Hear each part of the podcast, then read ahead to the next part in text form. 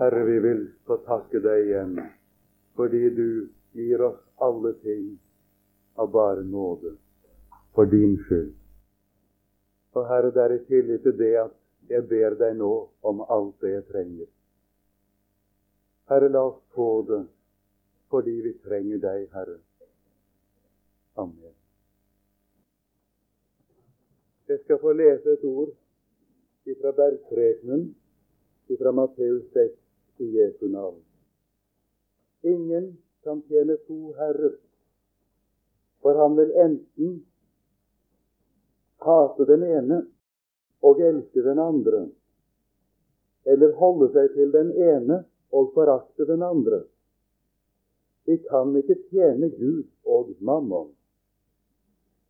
Derfor sier jeg eder, vær ikke bekymret for deres liv, hva jeg skal ete, og hva jeg skal drikke, eller for deres legeme, hva jeg skal kle eder med.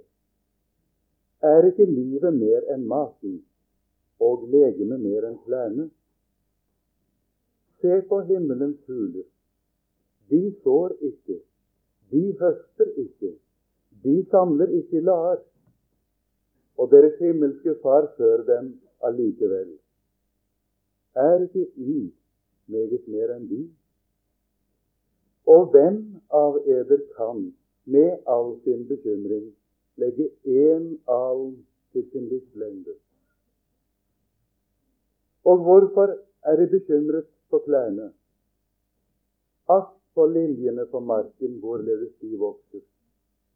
De arbeider ikke, de spinner ikke. Men jeg sier eder, enn ikke Salomo i all sin herlighet var kledd som en av dem.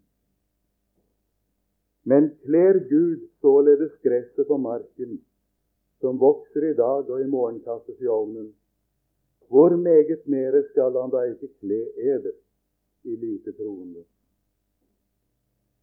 Derfor skal I ikke være bekymret og si hva skal vi ete, eller hva skal vi drikke, eller hva skal vi kle oss med?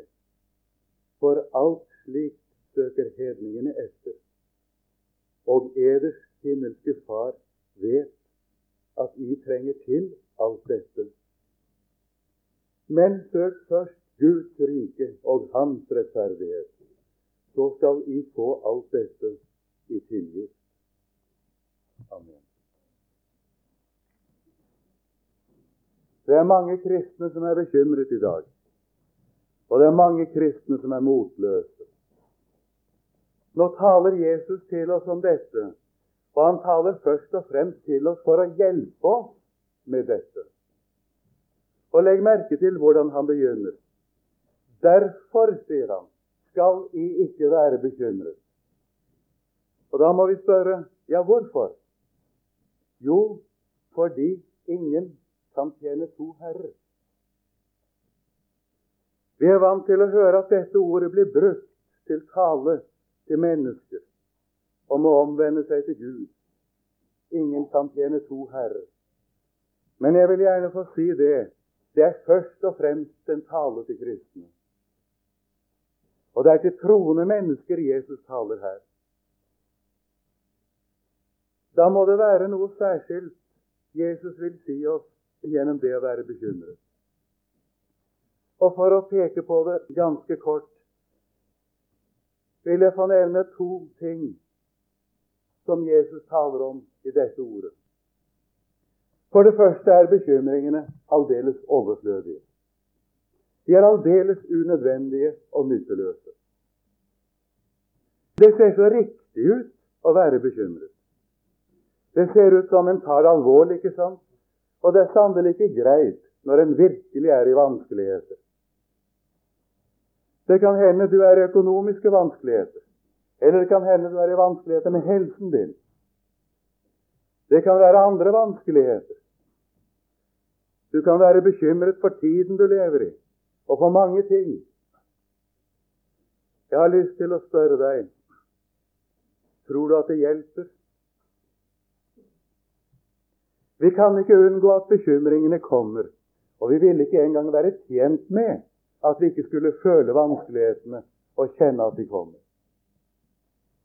Ofte sier vi da bare jeg visste hvordan jeg skulle komme gjennom dette.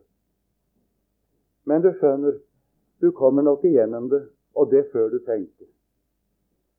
Når jeg tenker tilbake nå på første gang jeg var her i Stavanger, det er altså 27 år siden, og jeg ser tilbake på tiden, så må jeg spørre meg selv hvor er tiden blitt av? Jeg har gått fort, meget fortere enn jeg hadde tenkt, ikke sant? Jeg skal få komme litt tilbake til det spørsmålet der. Dette at vi sier 'bare jeg visste hvordan jeg skulle komme gjennom det'. Men først vil jeg få peke på en annen fare som Jesus legger frem for oss. Og det er at det er farlig å være bekymret. Og jeg har lyst til å si det er også farlig å gi etter på motløshet. At det kommer, det kan du ikke hjelpe for. At du føler det, det kan du ikke hjelpe for. Men jeg vil gjerne si deg, og det sier jeg også ut fra min egen erfaring, det er farlig å gi etter for det. For å få lys over det vil jeg få stille det enkle spørsmål hva er en bekymring for noe?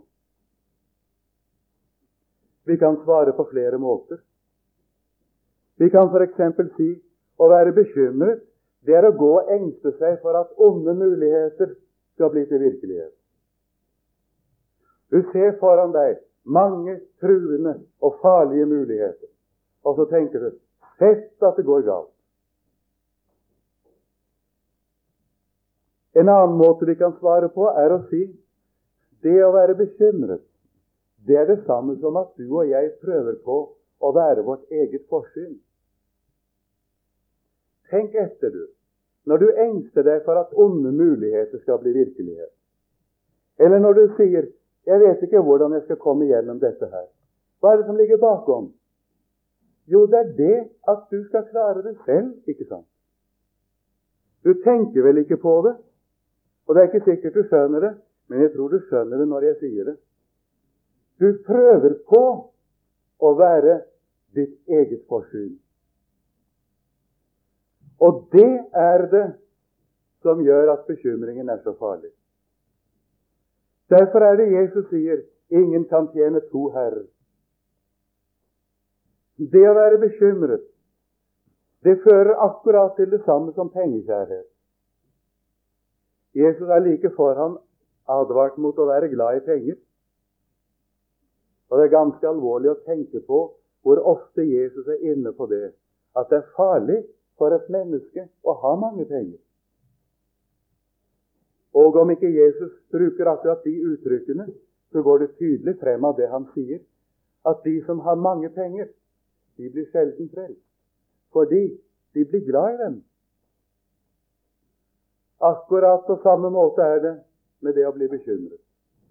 Og jeg kunne også si på samme måte er det når en gir etter for motløshet. For da hjelper vi i virkeligheten djevelen. Gud ga oss ikke motløshet ånd. Motløshetens ånd kommer av at vi ikke regner med Jesus, forstår du. Og på samme måte er det med bekymringene. Det kommer av at du regner ikke med hvem det er som skal sørge for deg og hvilke løfter du egentlig har i Guds ord. Derfor skal vi stanse litt opp for disse ordene. Og så skal du høre hva Jesus sier. Vær ikke bekymret, verken for mat eller for klær. Og apostelen sier, vær ikke bekymret for noe. Ingen vanskelighet, ingen nød, ingen sykdom, selv om du er midt oppe i en situasjon du skal kanskje ut med et stort beløp som du er skyldig, og som du må betale, og du vet ikke hvor du skal ta det fra. Vær ikke bekymret, sier Jesus. Og Nå vil jeg ikke si mer om den siden av saken, men prøve å peke litt på hva er det for noe som frelser oss ifra bekymringene. Først peker Jesus på det vi ser i naturlivet. Se på fuglene, sier han. Se på det som vokser på marken. Du skjønner hva han mener, ikke sant? Alt du kan se, Hele naturlivet, det oppholder jo Gud for vår skyld som tror på Jesus. Som jeg var litt inne på i formiddag. Visstnok skal denne verden få gå i den skikkelsen den har nå. Men naturlivet skal gjenfødes. Det blir en ny himmel, og det blir en ny jord. Og det står at hele skapningen, og det betyr nettopp hele naturen, den sukker etter Jesu gjenkomst. Den dag da Guds barns barnekår virkelig skal åpenbares. Alt er skapt for deres skyld som skal arve frelse. Alt opprettholdes for deres skyld som skal arve frelse. Og da vil Jesus ha sagt oss når da Gud opprettholder alt dette for deres skyld som tror på ham, skulle han da ikke sørge for dem, for hvis skyld han opprettholder alt dette? Når du er ute og reiser på toget, så behøver du ikke å sitte og holde på kofferten. På samme måte er det når du tror på Jesus, som skal komme tilbake til. Da har du så lite grunn til å være bekymret at hvis du fikk øye på det, ville du begynne å glede deg og takke Gud. Luther var ofte i store økonomiske vanskeligheter. Han hadde også mange andre vanskeligheter. Alle som Gud skal bruke, de blir vel kjent med alle slags vanskeligheter. Og Luther han kjente vel til økonomiske vanskeligheter. Men han hadde et ordtak. Når det var som verst, så kunne han si det skal bli spennende å se på hvilken måte Herren hjelper oss i dag. Det er en god innstilling, du. Herren hjelper deg. Det er det ene han peker på. Og Nå vil jeg få komme tilbake til det spørsmålet jeg nevnte i sted, når vi sier bare jeg visste hvordan jeg skulle komme igjennom dette. Spørsmålet er ikke hvordan du og jeg skal komme gjennom verden, men spørsmålet er hvordan skal du og jeg gå ut av verden, ikke sant? Spørsmålet er hvem er jeg, og hva er jeg når jeg forlater verden? Det var det vi skulle tenke på. Og Der kommer jeg inn på det andre Jesus taler om til hjelp for oss. Han sier, 'Søk først Guds rike og Hans rettferdighet, så skal dere få alt annet attpå'. Jeg syns det er så talende å se hvordan dette ordet egentlig er i grunnteksten. Det som står like foran. Dere skal ikke være bekymret for mat og klær og slikt. For alle sånne ting søker hedningen etter. Men dere, så siterer jeg nøyaktig, men dere har en far i himmelen som vet at de trenger til alt dette. Søk derfor først Guds rike og Hans rettferdighet, så skal dere få alt dette attpå. Nå føler du kanskje det som en plikt eller en tvang å søke Guds rike først. Men da misforstår du Jesus. Jeg vil gjerne ha sagt det du skal ikke flytte til Sinai når du hører at Jesus sier du skal søke Guds rike først. For her taler ikke Jesus om plikt og påbud, men her, her taler han om en vidunderlig rett som han har gitt deg og meg.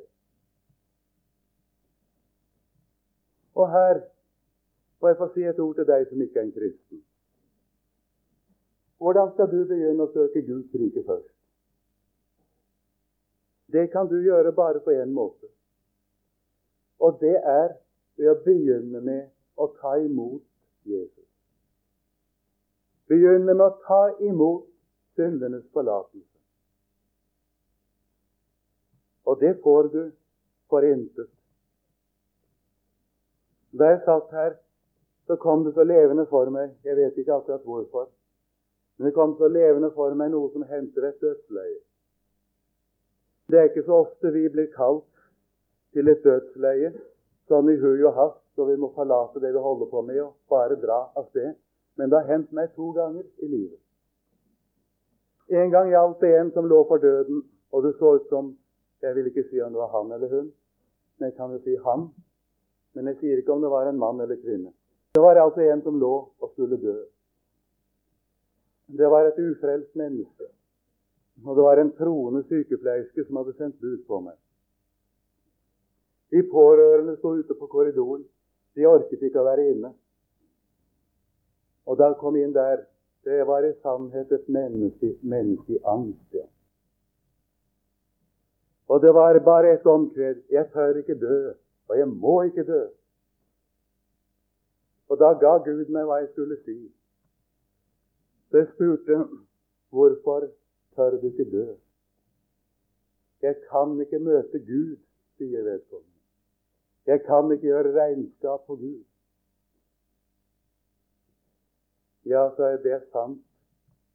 Og når du sier det, at du ikke kan gjøre regnskap på Gud, så beviser du det at du i ditt hjerte har gitt Gud rett i hans dom over deg selv.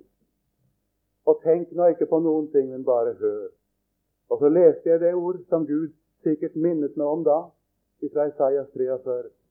Du har bare trettet meg med dine synder, voldt meg møye med dine misgjerninger. Er ikke det sant, spurte jeg. Det kommer bare et stønn. Men hør nå hva Gud sier. Han som er din dommer, han som du skal gjøre regnskap for, han som du ikke tør møte, fordi du vet du kan ikke klare deg for ham. Hør hva han sier nå.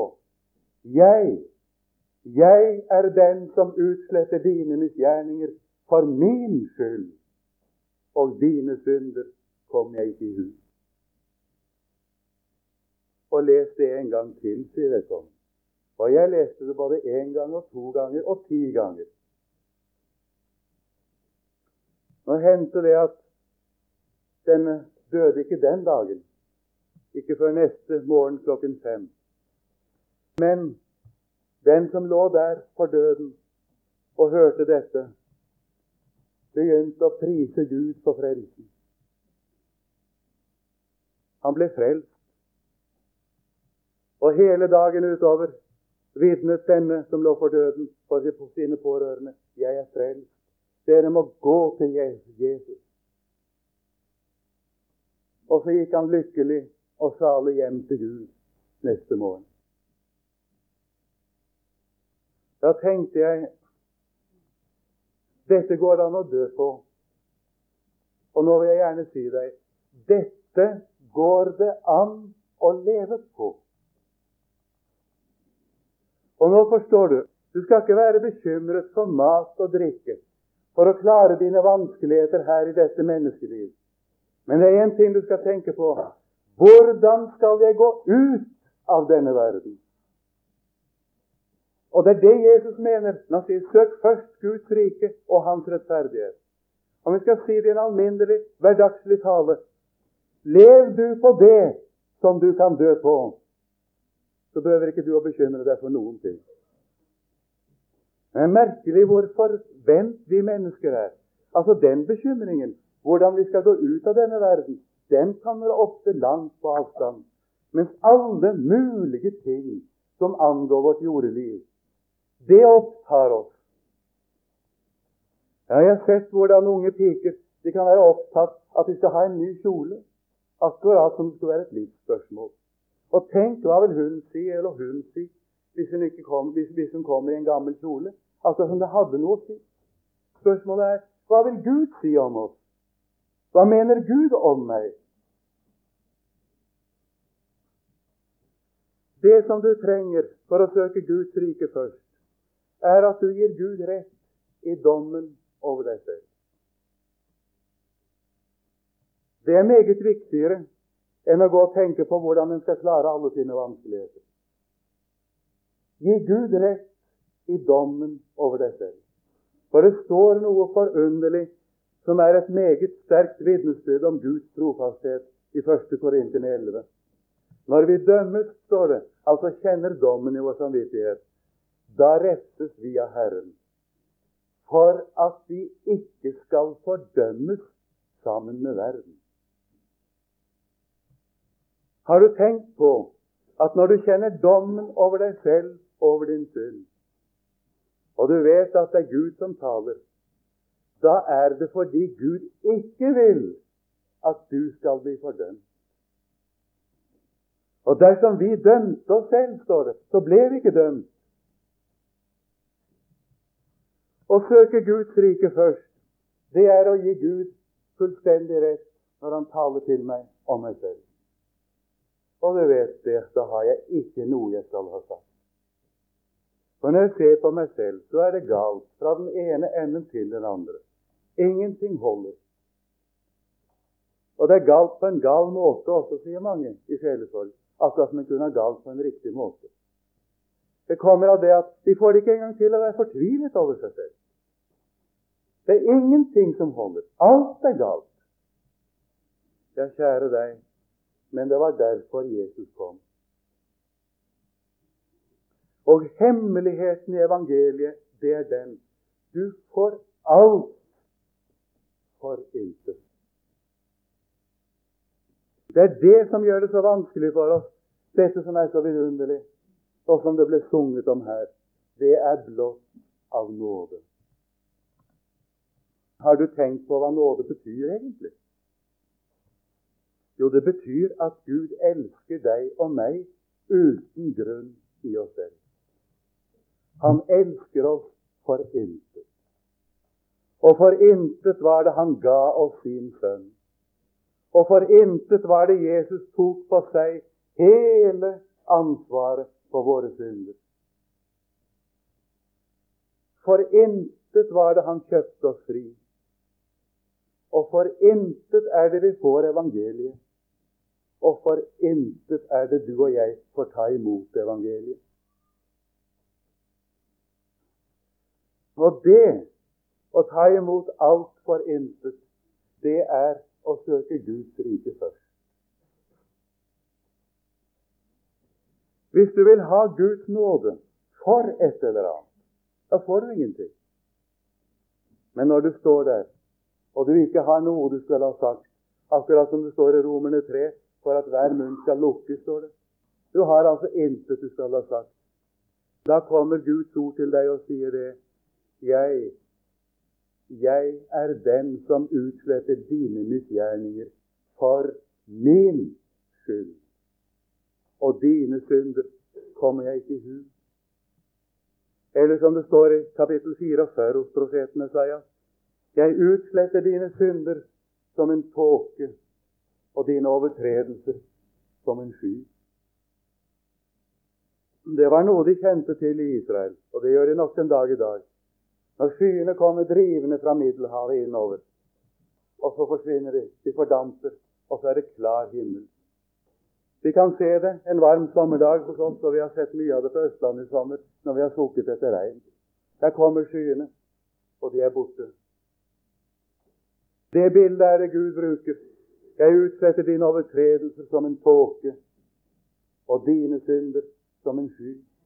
Og legg merke til overtredelser. Det er synder som vi visste var synd før vi gjorde dem, og gjorde dem likevel. Det er overtredelser. Kan du tenke deg et slikt ord? Kan du tenke deg en slik nåde? Og alt dette for intet. Det er det Jesus også ville ha sagt til oss som tror på ham. Søk først Guds rike og hans rettferdighet. Og vi kan videre si at det betyr ta i alle ting først og fremst hensyn til ditt forhold til Jesus. Da lever du på det som du kan dø på. Av og til kan det se veldig upraktisk ut. Akkurat som det heter hos apostelen Eders saktmodighet blir vitterlig for alle mennesker, sier han. Nettopp i sammenheng med at han taler om å ikke være bekymret. Altså, la det bli vitterlig. La det bli kjent for alle mennesker at du har satt din sak i Guds hånd, at du stoler på ham. Det ser ofte veldig upraktisk ut, men jeg har lyst til å spørre deg tror du det går galt? Når du setter din sak i Guds hånd og stoler på ham, da søker du Guds rike og hans rettferdighet først. Det ser upraktisk ut, og mange ganger ser det da virkelig ut at nei, denne gangen, denne gangen går det visst galt. Jeg husker en gang, og det gjaldt et økonomisk spørsmål. Det så så ille ut for meg, og jeg hadde lagt det frem for Herren, og jeg prøvde å regne med ham, men jeg kunne ikke få hvile. Og ingenting skjedde, og ingen bønnhørelse kom. Og det så bokstavelig talt ut som det skulle gå galt. Da husker jeg at jeg bøyde mine kne, og så sa jeg det til Gud at selv om du narrer meg, så tror jeg på det allikevel. Ja, vi taler på menneskelig vis for vårt kjøtts skrøpelighets skyld, sier apostelen. Det er en ting jeg vil advare deg sterkt imot her, skjønner du. Si ikke det. Bare du hjelper meg denne gangen, så skal jeg ikke tvile på deg. Det skal du ikke si. For da tar du ikke lenger imot det for intet. Da har du straks stilt en betingelse. Nei, si du som jeg sa, selv om du narrer meg, så tror jeg på deg allikevel. Og jeg kjente hvordan mitt hjerte fikk hvile i Guds løfter i det øyeblikket jeg sa det. Og bønnhørelsen kom i rette tid. Det gjorde den. Tror du, tror du han har narret noen? Han som sier dette, søk først Guds rike og hans rettferdighet, så skal dere få alt det andre attpå, sier vi på norsk. Ja, sier mange kjempende sjeler, og kanskje særlig motløse kristne sier det. Hvis jeg bare kunne tro det. Jeg vet at Herren kunne hjelpe meg hvis jeg bare hadde hatt tro for det, sier de. Du, da må du høre hva Jesus sier her. Skulle han ikke kle eder i lite troende? Han sier ikke det at hvis du bare kunne tro, og hvis du bare hadde hatt tro for det, så skal jeg hjelpe deg. Nei, han sier det. Jeg har omsorg for deg. Jeg har ansvaret for deg. Jeg har påtatt meg at det skal ikke gå galt for deg. Jeg har påtatt meg alle de byrder som følger med ditt liv. Det kan du regne med, du lite troende. Slik er Jesus, forstår du. Det er ikke dette at du skal få det til å tro det, nei. Men det er at du skal begynne å høre hva han sier til deg. Det kan se ut mange ganger for oss som tror på Jesus, om det skulle være så vanskelig og regne med Guds faderomsorg. Mange mennesker som ikke tror på Jesus, de snakker så mye om Guds faderomsorg. Men den Gud fader-troen, den holder ikke når en kommer i nød. Det kan du stole på. Og for oss som tror, som sagt, kan det mange ganger se så vanskelig ut å regne med Guds faderomsorg. Men hør da hva Guds ord sier til oss i 1. Johannes brev i kapittel 2. Den som nekter Sønnen, står det, har heller ikke Faderen. Jeg vil ikke si mer om det. Men så fortsetter det. Men hver den som bekjenner Sønnen, har òg Faderen. Å bekjenne, det betyr at du ut fra ditt hjertes erfaring og ut fra ditt hjertes trang må bekjenne at du trenger Jesus. Du kan ikke være uten Jesus. Du har ikke håp uten Jesus, for han er all din eksistensberettigelse. Det er i ham du har syndenes forlatelse. Det er i ham du har rettferdigheten din for Gud. Det er i ham du har ditt håp. Det er i ham du har alle ting. Og mange ganger så makter du ikke å se det som du gjerne ville, men du bekjenner deg til det. Hør da hva ordet sier. Hver den som bekjenner Sønnen, har og Faderen. Det å tro på Jesus, forstår du, det betyr du er gjenstand for Guds faderomsorg.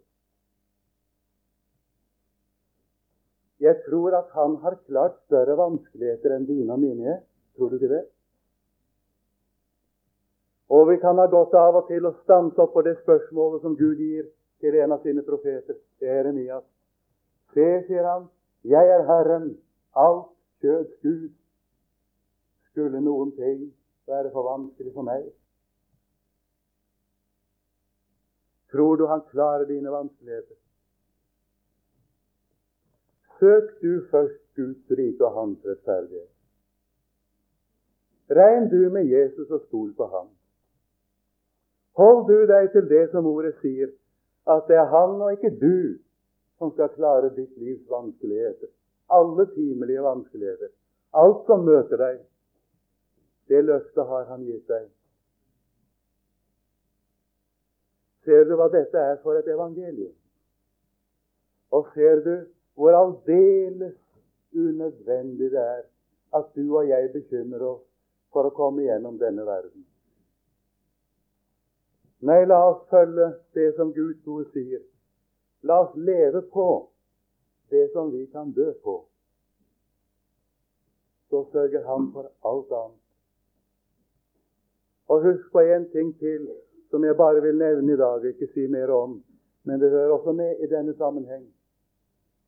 Vær ikke redd for å gi. Du blir rik av å gi. Jeg husker under krigen vi satt på toget. Jeg tør ikke nevne hans navn, men det var en bonde fra Jæren. En gudfryktig mann. Ja, vi skulle ut og ha møte sammen. Så kom det inn en annen bonde, og så begynte vi å snakke om vanskelige tider. Og så sier den andre som har kommet inn, ja, nå kan vi ikke holde på å gi bort slik som vi har gjort før. Så nå må vi begynne å tenke på oss selv, for nå blir det vanskelig. Så sier han som jeg var i følge med, ja, når du skal så, så må du huske på at du må så glissent, sa han, skal du få en god høst. Da ble den andre taus. Han forsto det. Den som karer sår, skal kare høste. Men den som sår, sår rikelig, han høster rikelig. Og du vet, det er en som har sagt gi, så skal det gis. Det er en god kur for oss imot våre bekymringer at vi gir. For det hjelper oss nettopp til å regne med Herren.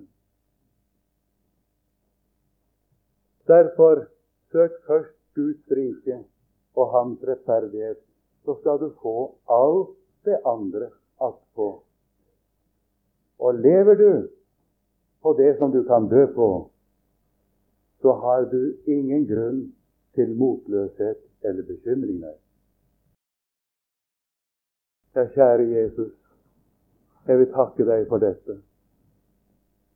Jeg vil takke deg for at det er du og ikke vi som gjelder. At det er du, Herre, som tok vår sak så helt og fullt på deg.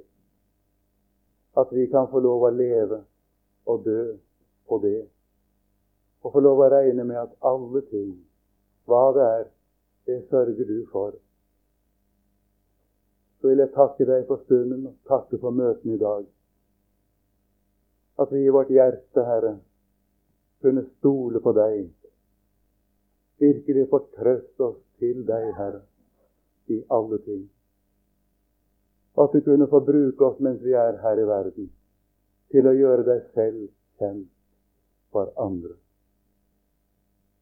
Amen.